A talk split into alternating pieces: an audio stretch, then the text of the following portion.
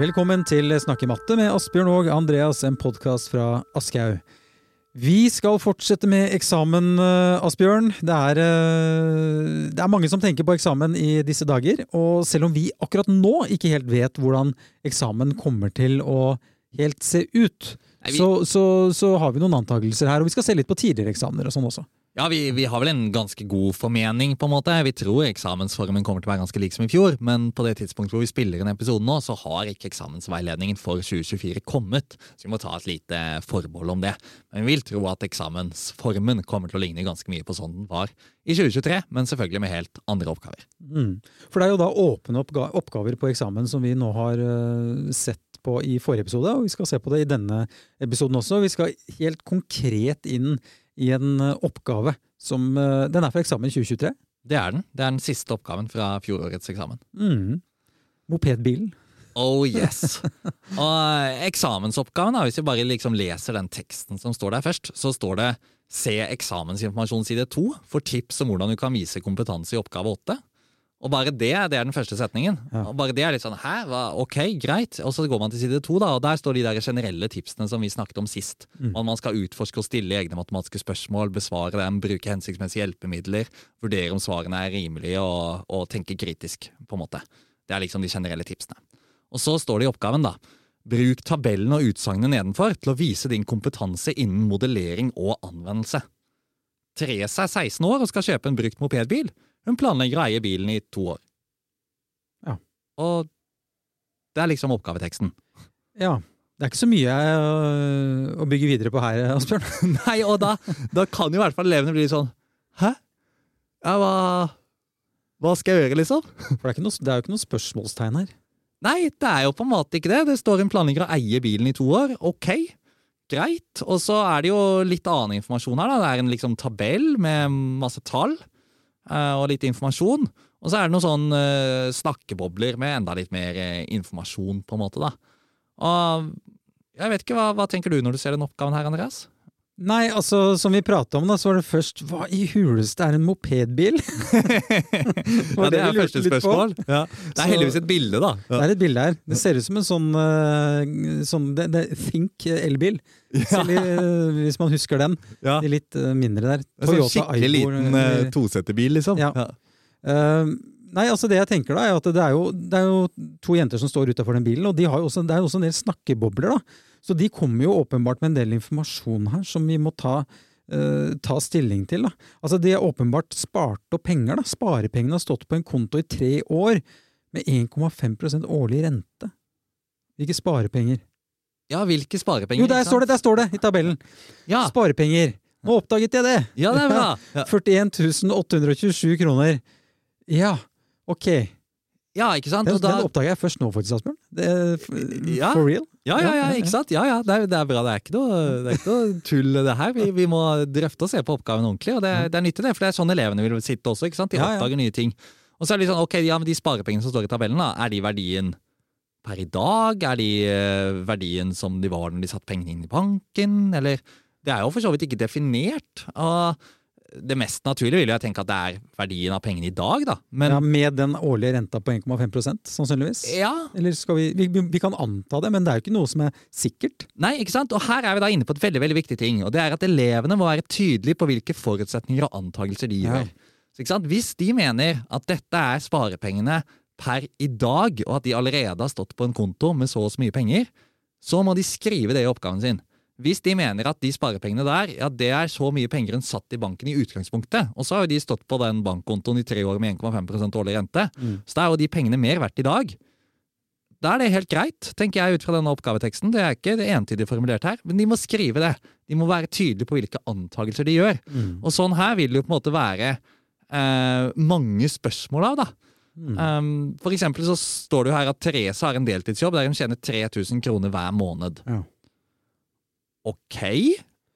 Har hun brukt de pengene på noe? Har hun satt de pengene på en sparekonto? Hva har hun gjort med de pengene? Det har vi ingen informasjon om. Det betyr at du som elev kan velge det helt selv, Ja. men du bør gjøre det tydelig hva du tenker hun har gjort med de pengene. Hvis du mener hun har putta alle de pengene inn på sparekontoen og fått rente på de, så bør du jo vise det tydelig. Ja. Hvis du tenker at nei, de pengene har hun brukt på snop og godteri, Mm. ok, det er ingen som kan måte hindre deg i det, sånn strengt tatt, Mhm. men da burde du vise det tydelig. Fordi, ja, hun har jo da altså 3000 i måneden, så, så det jeg begynner å tenke nå, er jo liksom hvordan skal hun da få råd til denne mopedbilen? Ikke sant? Uh, og den koster jo da totalt 83 600 kroner.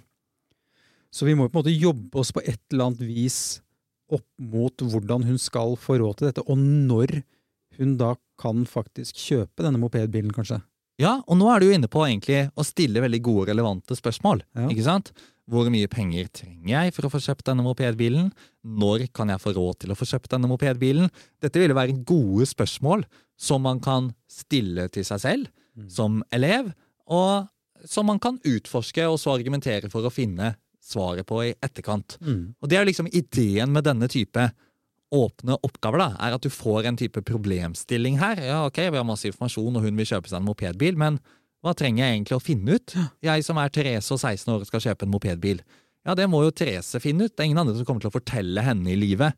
Eh, Ja, nå må du svare på dette og dette, dette spørsmålet, på en måte. Hun må jo stille seg de spørsmålene selv, og så finne ut av det. Og det er vel litt tanken med disse oppgavene også. Mm. Um, så det er, det er jo en interessant form for å få vist kompetanse. Jeg bare gjorde en oppdagelse her. Okay. Det står at bilen har et årlig verdi, verditap på 10% og så står det jo øverst i denne lite massive oppgaveteksten at hun, planlegger å eie bilen i to år. Ja, Så her må vi jo faktisk eh, se på hvor mye hun- hun kan selge denne mopedbilen for da, om, eh, om to år. Ikke sant? Og det vil jo også være et veldig relevant spørsmål å stille til denne oppgaven. Ja, Hvor mye kan hun selge den bilen for om to år, og hvor mye penger har hun da i gåseøynene tapt i løpet av disse årene? Det er jo et relevant spørsmål å finne ut. Og allerede der kan vi jo være inne på en for så vidt naturlig utvidelse av oppgaven. Det står ingenting at vi ikke kan endre det. Ja, Men hva hvis hun i stedet velger å eie bilen i fem år? Ja. Hva skjer da, egentlig? Ja, For hun bare planlegger å eie bilen. Ja, hun planlegger å eie. Det kan hende finner ut nei, nei, det var så kjekt denne mopedbilen, og jeg, kan ikke, jeg har ikke råd til å kjøpe meg noen vanlig bil når jeg blir 18, så Ja. hva om jeg vil ha den i to-tre år til? Ja. Hva skjer da, liksom? Ja, Naturlig utvidelse av oppgaven. Fin Ja. ting elevene kan utforske. Mm. Og så ser jeg også det med at hun kjører omtrent 6,5 mil eh, på en uke. Ja, Dieselprisen er omtrent 21 kroner literen. Så hun skal jo eie denne mopedbilen også. mm. Um, Og bruke den, liksom. Ja. så hun tjener jo 3000 i måneden på den deltidsjobben. Uh, og så er det jo en del forsikringer her også, ser jeg. Uh, ansvarsforsikring. Det er 4000 per år. Spørsmålet er om hun har hun råd til å eie denne mopedbilen. ja, så selv om hun får råd til å kjøpe den, er det ikke Ja. sikkert at du kan eie den. For det er ikke sikkert hun har nok penger til å liksom ha driftsutgifter til å måte kunne klare å ha nok penger til denne bilen. Mm. Får kanskje ikke kjøpt noe mer godteri. Nei, blir kanskje ikke noe godteri på, på Therese. Og kanskje er det sånn at ja, kanskje hun kjører jo omtrent 6,5 mil. Ja, hva om hun plutselig øh, flytter og trenger å kjøre 8 mil hver uke? Hva skjer da egentlig? Ja, Da endrer også problemstillingen seg. Det er også en mulig utvidelse av oppgaven her. Mm. Så er det mange ting vi kan, vi kan gjøre, da. Mm. Og jeg tror denne måten å liksom idédrodle på som vi sitter og gjør nå, den bør liksom en elev gjøre litt med seg selv på eksamen, da. Og noen vil kanskje lage et tankekart, noen vil kanskje skrive en stikkordsliste med spørsmål, noen vil kanskje gule ut informasjonen og passe på at man har på en måte gjort noe med all informasjonen i oppgaveteksten, sånn at man må få brukt alt på en eller annen måte. Mm. Eh, det er ulike måter å tilnærme seg det her på, men jeg tror det er viktig at elevene bruker noen minutter på liksom, ok, hva er det egentlig jeg skal finne ut her, Mm. og stille noen spørsmål for seg selv. Og så er det veldig viktig at elevene prøver å stille spørsmål som er litt på riktig nivå. Ikke sant? Fordi noen elever de vil trenge å gjøre en del sånn basic tallregning og ikke så veldig kompliserte ting. Mens andre elever som skal på høyt nivå på denne oppgaven her, Mm. det er mer krevende, for de må passe på at de ikke bare gjør liksom, pluss og minus og noe ganging. De må få inn noe matematikk som er på høyere nivå. Uh, og da kommer jo på en måte kunsten ok, kan jeg lage noen matematiske modeller. Dette handler om modellering og anvendelser. Mm. Og en matematisk modell, det er jo på en måte en eller annen matematisk beskrivelse som på en måte prøver å speile virkeligheten. Ja. Og det er en forenkling av virkeligheten. Ikke sant? Og en forenkling av virkeligheten er jo at vi sier at bilen har et årlig verditap på 10% Det er ikke sikkert at den taper seg i verdi med nøyaktig 10 hvert år. Nei, nei. Men det er en forenkling av virkeligheten å si det, som gjør at vi kan regne. Da kan vi f.eks. sette opp en funksjon, i dette tilfellet en eksponentialfunksjon, Mm. som viser eh, hva verdien til bilen vil være etter x år. Mm. Og da kan vi tegne en graf i GeoGebra, og så kan vi lese av ulik informasjon derfra, og så har vi plutselig fått eh, matematikken opp på et ganske høyt nivå. I stedet for å bare liksom holde på med tallregning. Og når man sitter og idédrodler, da, lager et tankekart eller en stikkordsliste, eller det man holder på rundt denne oppgaven, så må man stille seg det spørsmålet hvordan kan jeg få vist fram det jeg kan av mm. matematikk i denne oppgaven? Hva er det jeg er god på? Og så hvordan kan jeg få vist det til sensor? Fordi målet med sensor er jo å fange opp hva er det du har av kompetanse som elev. Mm. Det er jo hele poenget her. Mm.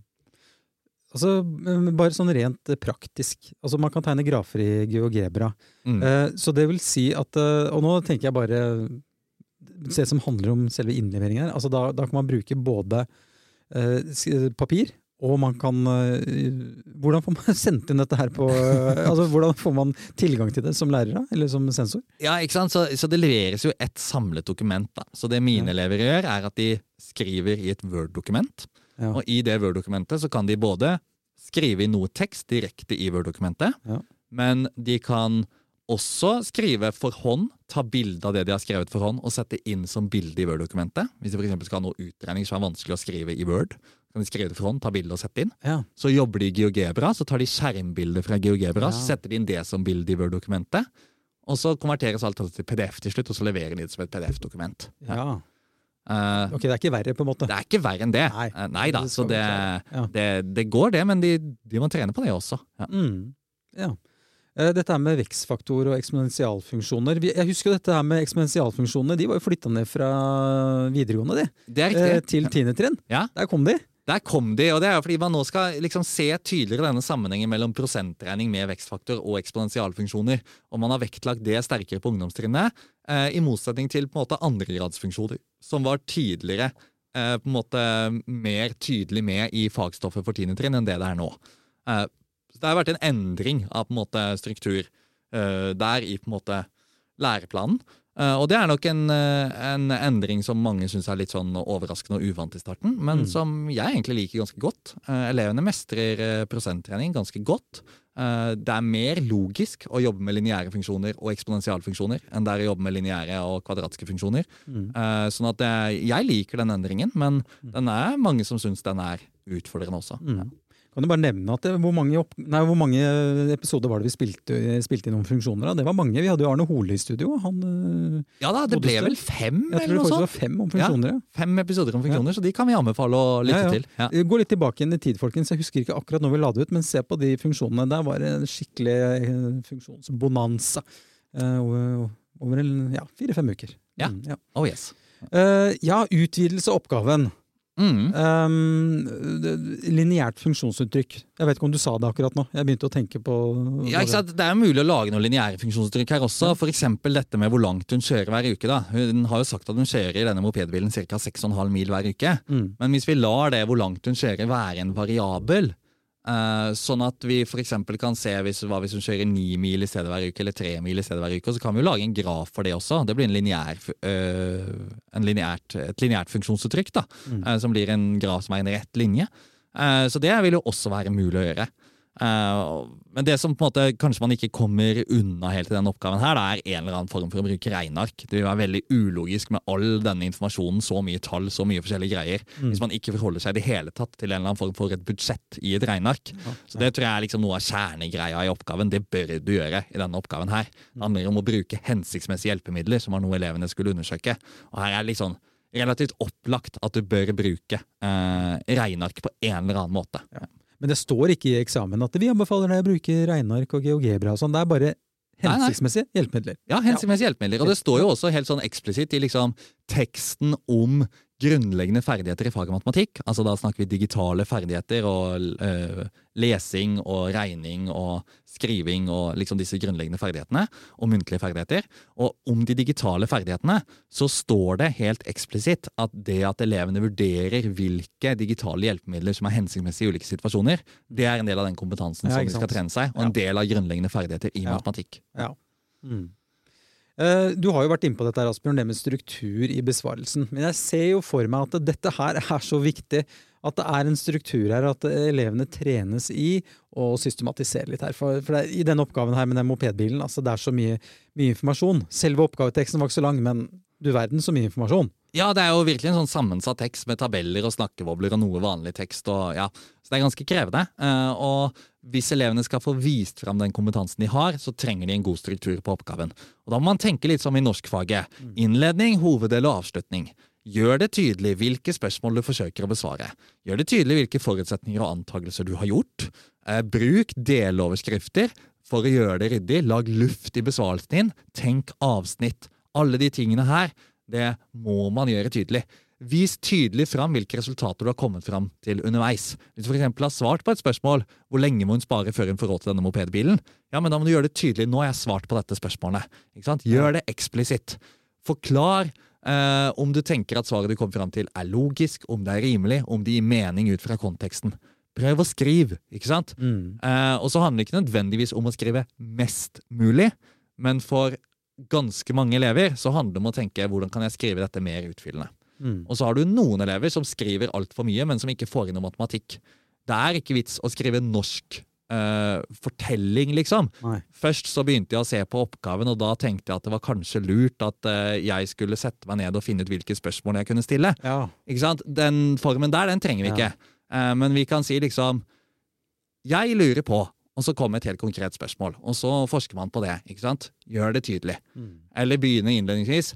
I denne oppgaven eh, skal jeg svare på følgende fire spørsmål. Ja. Og så lister man opp de, da. Eller liksom, gjør det tydelig, men ikke skriv deg i hjel. Samtidig som du skriver utfyllende og lager god struktur mm. underveis.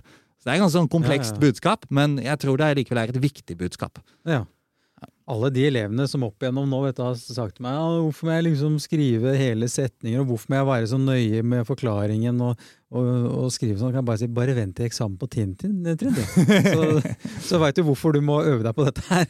Ja. Men, eh, for det er jo noen som er eh, flinke til å regne, eh, og, men ikke alltid kan på en måte forklare. Hvordan kom du fram til det? Jeg vet ikke, jeg bare kom fram til det. Det er et sånn, litt sånn klassisk svar. Ja, og de eh. vil jo ikke få så mye uttelling på en oppgave som det her. på en måte. Uh, så vi må, må, skrive og ramme det inn, og du må jo gjøre det tydelig hva det du egentlig regner ut. Hvis du bare regner uten å vise hva du regner ut, så mm. vil jo ikke sensor skjønne hva du holder på med. Nei. Nei. Og så tror jeg også en viktig ting da, er eh, Tenk at målet her er å overbevise sensor om det du kan av matematikk. Mm. Sånn at Hvis du begynner å lage en modell som er en eksponentialfunksjon, ikke sant? f.eks. den med verditap på bilen, så si at det er en eksponentialfunksjon, ja. og legg inn én setning om hva en eksponentialfunksjon er. Ikke sant? Knytt inn det du kan av matematikk på en naturlig måte i oppgaven. Du kan ikke, hvis du ikke skriver eh, noe som helst om geometri i denne oppgaven, så er det ikke noe vits at du begynner å forklare Pythagoras setning i oppgaven. liksom, Fordi ja, jeg kan Pythagoras setning. Det er jo skivebom. Da bommer vi totalt på oppgaven. Mm. Men den matematikken du bruker, legg inn en setning eller to som forklarer den matematikken, der du viser at du behersker av kontroll på begreper, oppsett, eh, sammenhenger i faget. Det er jo helt klart positivt eh, i vurderingen av din kompetanse. Men du må selvfølgelig gjøre noe som er relevant for oppgaven. Mm.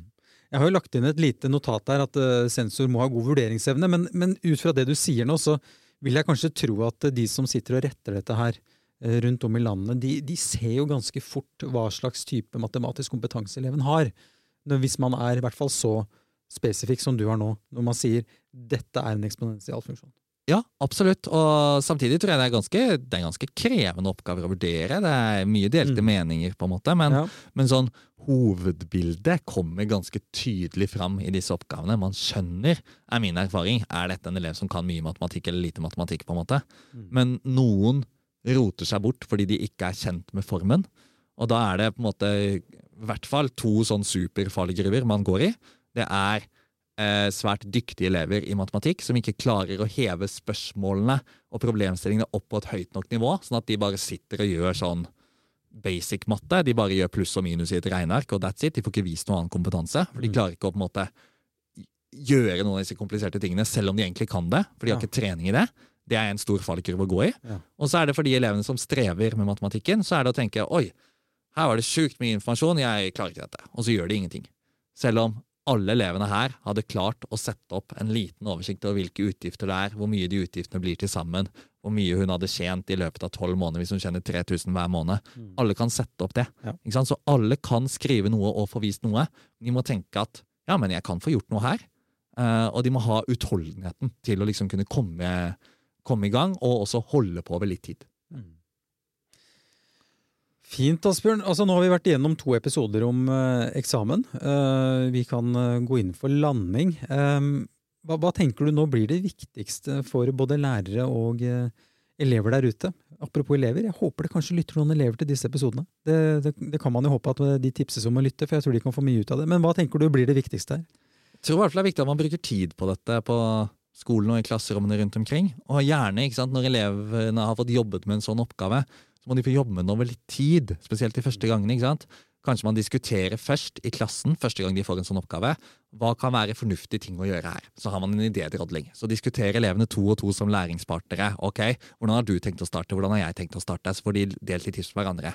Så får de en økt hvor de får jobbet selvstendig, individuelt, jobbet med å skrive en besvarelse.